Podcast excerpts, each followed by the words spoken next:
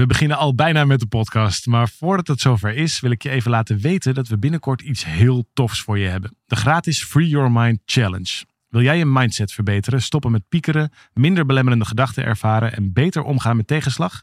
Schrijf je dan in voor deze challenge via www.365dagensuccesvol.nl slash challenge. Het is van 26 mei tot en met 29 mei en ik heb er heel veel zin in. We beginnen nu met de podcast.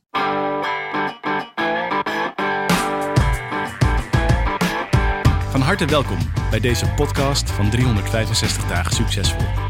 Wij zijn David en Arjan en we delen in deze podcast de eye-openers die cruciaal zijn voor een gelukkiger leven.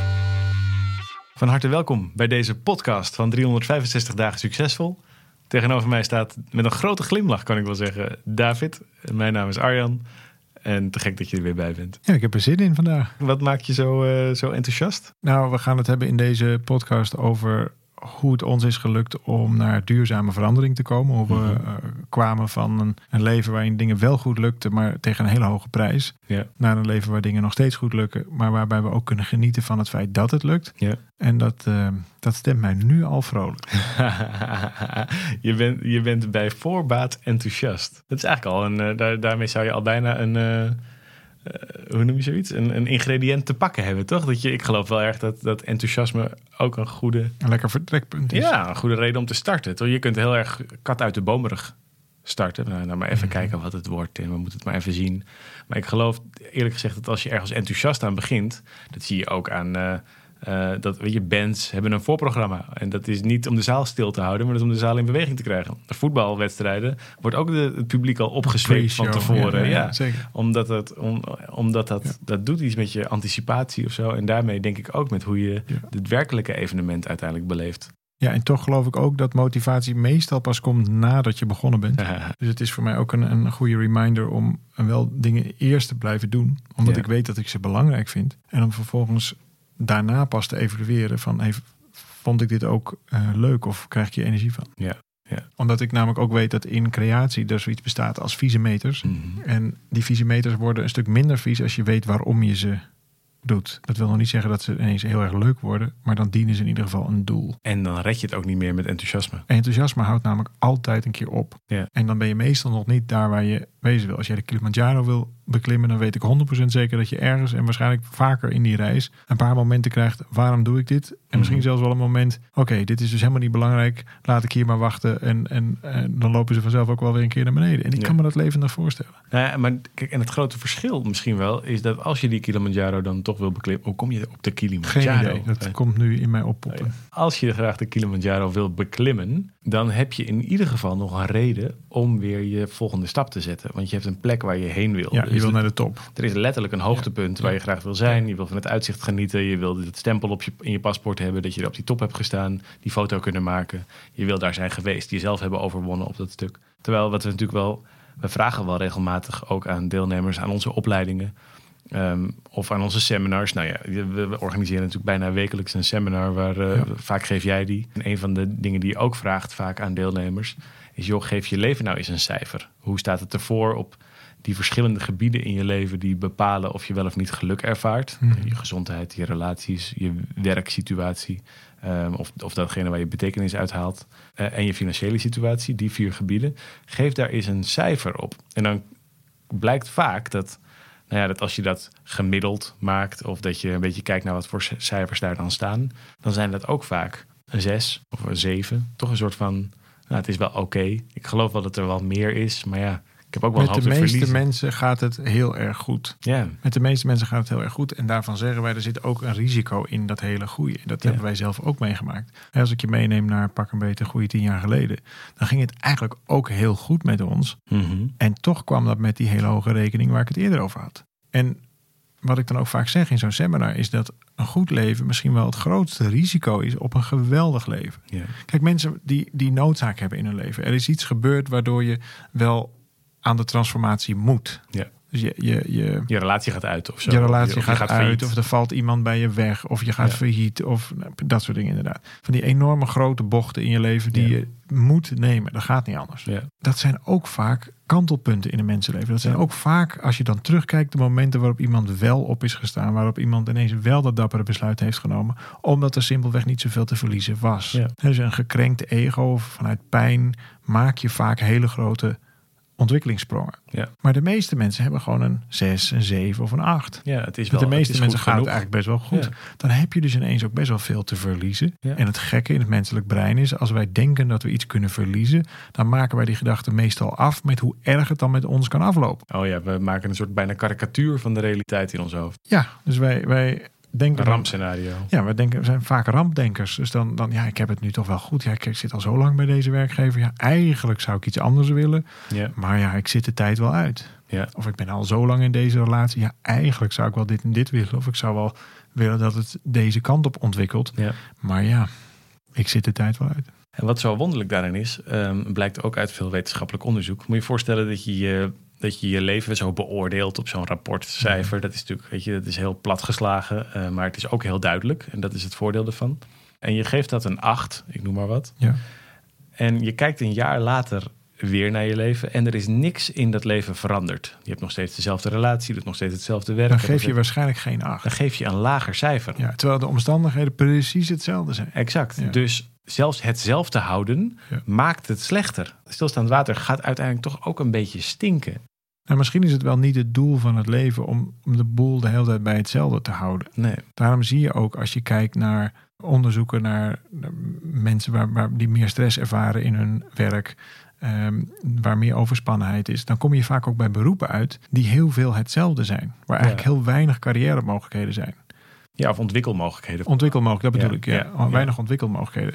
Hè, dus als je bijvoorbeeld de zorg neemt en je werkt in de zorg, dan, dan, dan is het een, eigenlijk een vrij platte organisatie. Dan Als je, doe je al heel jong de, hetzelfde werk als wat je... wat je 20, 30, 40 jaar later ook doet. Dus er zit misschien een klein beetje ontwikkeling in. En, Ja. en je krijgt elk jaar een klein beetje meer salaris. Maar dan is het, dat is dan je ontwikkeling. Zowel Ja. aan de financiële kant als aan de wat je doet kan. En daar zie je ook opvallend meer. En het zou me dus niks verbazen als daar ook een relatie tussen zit. Mensen met meer stress, daar is meer burn-out. eh, en, en ik denk dus ook dat dat. Het zijn ook niet voor niks zware beroepen. Maar Ja. dat daar mensen ook minder gelukkig zijn. Je kunt best heel gelukkig zijn met wat je doet. Maar als je over tien jaar nog precies hetzelfde doet. Ik kan me voorstellen dat het heel heilzaam is om soms dat hele goede leven even op, overhoop te halen, even op zijn kop te zetten. Nou, meestal gebeurt het sowieso wel een aantal keer in je leven dat je voor dingen komt te staan. Ik, ik moet echt de eerste nog tegenkomen die een soort helemaal biljartlaken glad leven heeft. Waar alles maar precies van tevoren is geregeld en gedaan. En, en zelfs als dat al zo zou zijn. Als je nooit een probleem hebt, is dat het probleem volgens mij. Nou, misschien wel. En als je nooit een keer van een mening bent veranderd of nooit eens een keer opnieuw hebt vormgegeven, heb je misschien wel niks geleerd. Ja, ja dan heb je... Ja.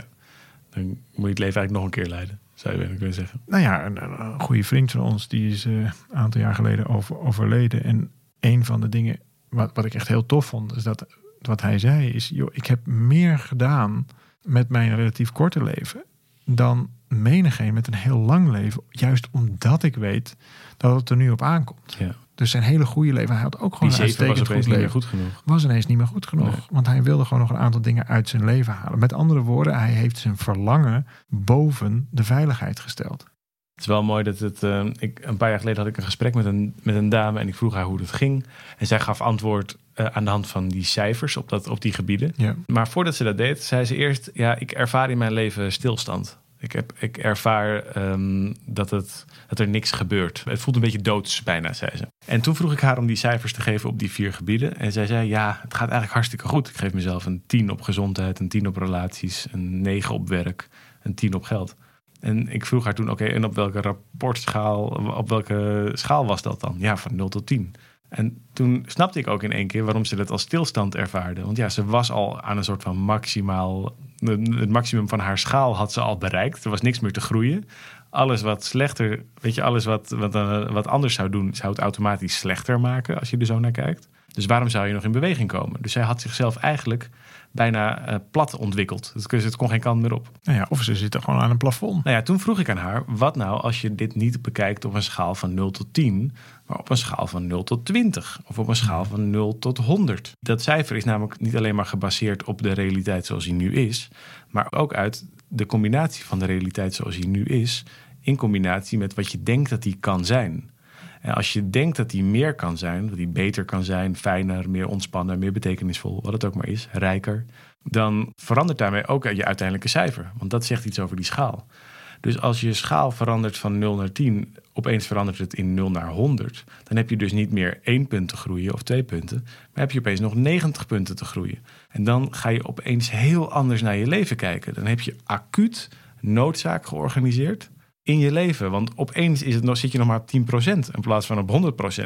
En ontstaat er heel veel ruimte om bij jezelf te denken: oh jeetje, stel nou dat ik nog 90 punten mag groeien in mijn leven. In, hoe, in het geluk wat ik ervaar, in de verbinding die ik voel met anderen, en noem maar op. Wat heb ik dan te doen? Wat zou ik dan willen? En dat ging bij haar, nou, het, was bijna alsof er letterlijk een huid van haar afviel of een jas uit ging. En je had haar toestemming gegeven, of eigenlijk zij zichzelf, ja. om weer gewoon over die muur of over het plafond ja, heen te kijken. Om weer naar de volgende next level Want ze voelde wel, anders had ze, was ze niet bij je aangeklopt natuurlijk, ze voelde wel dat er wel meer in zat. 100 procent. Nou, die vraag die stel ik iedere keer uh, bij dat seminar. En ik, ik, weet niet hoeveel ik heb gegeven in de afgelopen jaren, maar veel. Vrij veel. Ja, en elke keer is het weer 95 tot 100 procent van de zaal die daarop incheckt. Ja. Namelijk heb je het gevoel dat er meer in je leven zit dan dat er dagdagelijks uitkomt. Ja. Zou je het interessant vinden om eens te onderzoeken hoe dat er dan uit zou zien als je het wel zou doen? Ja. Weer 95 tot 100 procent check-in. Ja. Dus het blijkt iets veel universelers te zijn. In ieder geval voor de mensen die naar dat soort seminars komen. Dat ze wel die behoefte hebben om er iets van te maken. En dat maakt dus helemaal niet uit welk cijfer je geeft. Het maakt vooral uit welk cijfer je wil dat het is. Niet vanuit een ongelukkig, oké, ik heb nu een 1 en ik wil me gelukkig voelen, dus het moet een 10 zijn. Want dan, dan zit er juist weer heel veel moeten en, ja, druk. Uh, en druk en tekort in. Zelfafwijzing. Ja, maar op het moment dat je gewoon weet, hey, het zit er wel in en ik heb gewoon zin om dat eruit te halen. Ik ben nieuwsgierig naar wie ik zou zijn in die situatie. Ik bedoel, wij, wij zijn uh, jaren geleden begonnen, maar wij waren ook vooral heel nieuwsgierig. Wie, hoe zouden wij het doen op een podium? Bijvoorbeeld. Ja. Wij hadden nog nooit samen op een podium gestaan. Nee. Zijn we wel gaan doen. Nou, dat pakte goed uit, maar dat wisten we ook van tevoren niet. Maar wel de nieuwsgier laten winnen van hey, hoe zouden wij het doen op zo'n podium? Nou, vervolgens zijn we uh, met live interventies begonnen. Ja. Dus iemand die dan op het podium komt of een gesprekje met iemand in de zaal. Ook niet met iedereen, maar af en toe gebeurt dat zo. Ja. Is dat zinvol? Werkt dat?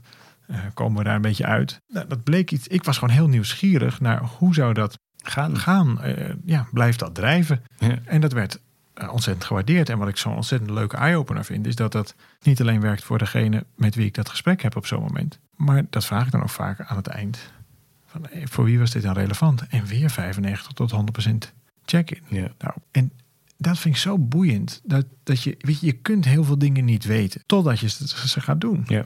Dus de nieuwsgierigheid naar wie zou ik zijn in die situatie. Het verlangen om niet alleen eerlijk te zijn naar jezelf. Dat er meer in je leven zit. Maar ook de bereidheid om dat dan te gaan onderzoeken. Ja. Dat is eigenlijk de belangrijkste eerste stap. Lukt dan alles? Nee, natuurlijk niet. Maar de bereidheid tot dat onderzoek maakt al veel gelukkiger. Het is wel mooi dat de Amerikaanse psycholoog Martin Seligman, de grondlegger van de positieve psychologie, die werkt ook met zo'n rapportschaal, hè, met die cijfers, zoals wij dat net deden. En die zegt, de schaal van min 10 tot 0, daar is heel goed voor gezorgd in onze maatschappij. Want dat is de schaal van therapie, van geestelijke gezondheidszorg, van hulp. Op het moment dat je onder de nul zit en dus je echt in het rood terecht komt, als je ergens aan leidt, dan is er hulp. Dan, is er, dan zijn er mensen voor je. Dan ga je naar een psychiater of een psycholoog of een therapeut. Of dan, en dan regel je dat. Alleen het merendeel van de mensen zit in, op het andere stuk van het spectrum, namelijk tussen de 0 en de 10. En dat leer je nergens. Hij zegt, er is geen enkele... Um, dat leer je niet op school, dat leer je niet op andere plekken. Daar is geen, um, ook in onze gezondheidszorg, geen constructie omheen. Dat heb je helemaal zelf uit te vinden met vallen en opstaan. En pas op het moment dat je onder nul terechtkomt, ja, dan, dan staan er mensen voor je klaar. Dus je hebt er bijna in sommige gevallen, als je heel eenzaam bent, kan het zelfs kan je er zelfs belang bij hebben om onder nul te blijven. Omdat je dan in ieder geval geholpen wordt. Omdat er dan steeds mensen zijn om een verbinding mee. Ja, dan ben je in ieder geval niet eenzaam. Precies. Ja, en ik ga ervan uit dat je een zelfcreërend wezen bent. Dus dat je de keuzes die je maakt consequenties hebben over hoe jouw eigen toekomst eruit gaat zien. Ja. Dat is een heel belangrijk basisprincipe van het werk wat wij doen. Ja. Dus dat je Als je beter in staat bent om keuzes te maken die goed bij jou passen. Wat dat is, daar gaan wij natuurlijk helemaal niet over. Maar als je dat zelf doorkrijgt. Hé, hey, ik ben eigenlijk een keuzemaker de hele tijd. Ik ben een, een, een creëerder. Ja. Ik creëer mijn eigen Creator, leven. Ja. een creator. Dan is dus cruciaal welke keuzes je daar wel of niet op maakt. Nou, Ja. Op het moment dat je dat beseft en je wil dus niet van min 10 naar 0, want je hebt eigenlijk hulp nodig omdat je er zelf niet meer uitkomt. Maar je hebt juist begeleiding nodig om het zelf te kunnen. Dit Ja. is, dit is een gekke paradox in, maar zo is het echt. Een methode. Wij, we hebben het steeds over die methode van ons.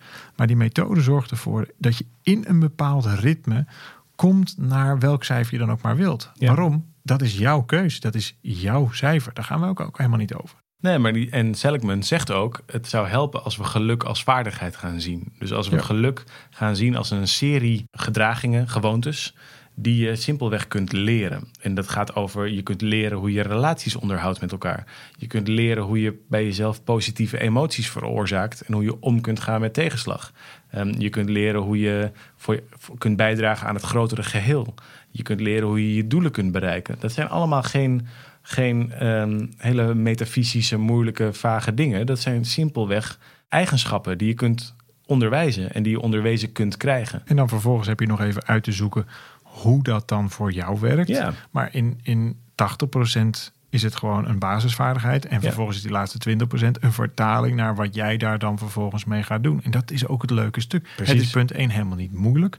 Twee, het is hartstikke leuk om dat te doen. Omdat je erachter komt dat, dat je veel meer kunt dan je dacht dat je kunt. Ja. Drie, je creëert een veel vervul, vervullend, vervullend leven. Dat denk ik, ja. Vervullend. vol- Voldoenend. Maar ja, een leven met veel meer voldoening. Ja. Niet alleen voor jezelf, maar ook voor de mensen om je heen. Ja. Dit sluit natuurlijk aan bij de missie die wij zo ter harte nemen. Nederland is het gelukkigste land. Ja. Daar wonen de gelukkigste mensen. En Ja. gelukkige mensen maken het verschil voor andere mensen. Daar word je namelijk het meest gelukkig van. En zo verbind je jezelf met een groter geheel. We zijn natuurlijk allemaal één heel groot systeem, zou je kunnen zeggen. Het hele universum is één groot bewegend, samenwerkend geheel. Nou wordt het toch nog metafysisch. Nou ja, en op het moment dat je je eigen plek daarin kent, snapt, draagt en vanuit daar creëert. Maar ook je oont. je je. Ja, echt oont. Ja, dat is een goed woord. Dat je echt ownership, dus eigenaarschap neemt over ik ben er nu toch. Ik leef dit leven.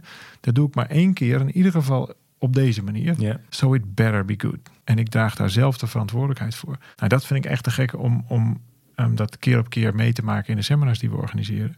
Uh, dat dat punt 1 niet zo heel erg ingewikkeld is, maar vooral ontzettend leuk is. Er zijn echt heel veel mensen die er een soort, oh ja, dit is, Waarom heb ik dit niet eerder geleerd? ja, waarom heb ik, precies, waarom hebben we dit niet? Nou, dat is echt een nummer één Ja. uh, ding. Waarom hebben we dit niet op school geleerd? Waarom vertel je me dit nu? Waarom weet ik dit nu pas? Nou, Ja. dat is natuurlijk ook een van de redenen waarom we ons ook druk maken over het onderwijs. Een boek schrijven eh, voor ouders en kinderen, et cetera. Dus we, we Ja. maken ons er wel druk over. Maar goed, het ene beste moment om daar iets over te, leer- te leren is nu. We kunnen wel heel erg terugkijken op, op eh, ja, waarom hebben wij dat niet geleerd. Maar dat maakt niet meer zo heel veel uit. Nee. Maar we kunnen het wel nu leren. En het zal je verbazen hoe eenvoudig het is. Ja, dus dan kom je er kort gezegd op neer dat er vier gebieden zijn in je leven: Ehm, eh, gezondheid, mentale gezondheid, fysieke gezondheid, je relaties, je liefdesrelatie, maar ook relaties met familieleden, met vrienden, met collega's, met iedereen die belangrijk voor je is. Werk, datgene waar je betekenis uithaalt, even afgezien van je relaties. En je financiële situatie. Eh, heb je het gevoel dat je daar vrij in bent, dat je kunt delen wat je wilt, dat je je verantwoordelijkheden kunt nakomen die je belangrijk vindt. En als je dat op een rijtje ziet, en daar voor jezelf naar durft te kijken met hey, hoe staat het er nou eigenlijk echt voor? Wat voor cijfer geef ik mezelf? En ook wat voor gevoel geeft dat cijfer me? Want misschien schrijf je op een 7 of een 8 en denk je bij jezelf, oeh, als ik zo meteen later over 10 jaar of over 20 jaar terugkijk, ben ik dan nog steeds gelukkig dat ik toen genoegen nam met een 7? Of heb ik eigenlijk achteraf, had ik toen gewild dat ik zou zijn gegaan voor wat groters, voor wat meer, voor misschien wel de 15 of de 700. Dus waar zou je toekomstige zelf jou ook het meest dankbaar voor zijn als je er op die manier naar kunt kijken? En dan vervolgens kun je jezelf de vraag stellen: op welke schaal zie ik dit dan? Is het van 0 tot 10 en geeft je dat al voldoende noodzaak of voldoende reden om te starten, dingen te gaan onderzoeken? Of heb je misschien wel, zoals die mevrouw wat ik net uh, als voorbeeld gaf, kan het bij jou helpen om juist die schaal te vergroten? En kom je dan terecht in een heel nieuw stuk waarvan je nu misschien nog niet eens had bedacht dat het überhaupt kon? Nou, als je het idee hebt dat je dit interessant vindt en dat je daar graag wat mee, eh, mee zou willen doen, dan is er echt maar één ding wat je te doen hebt. Ah, ga je nu zeggen, dan kom naar een eh, seminar van ons? Kom naar een seminar van ons. Goeie tip.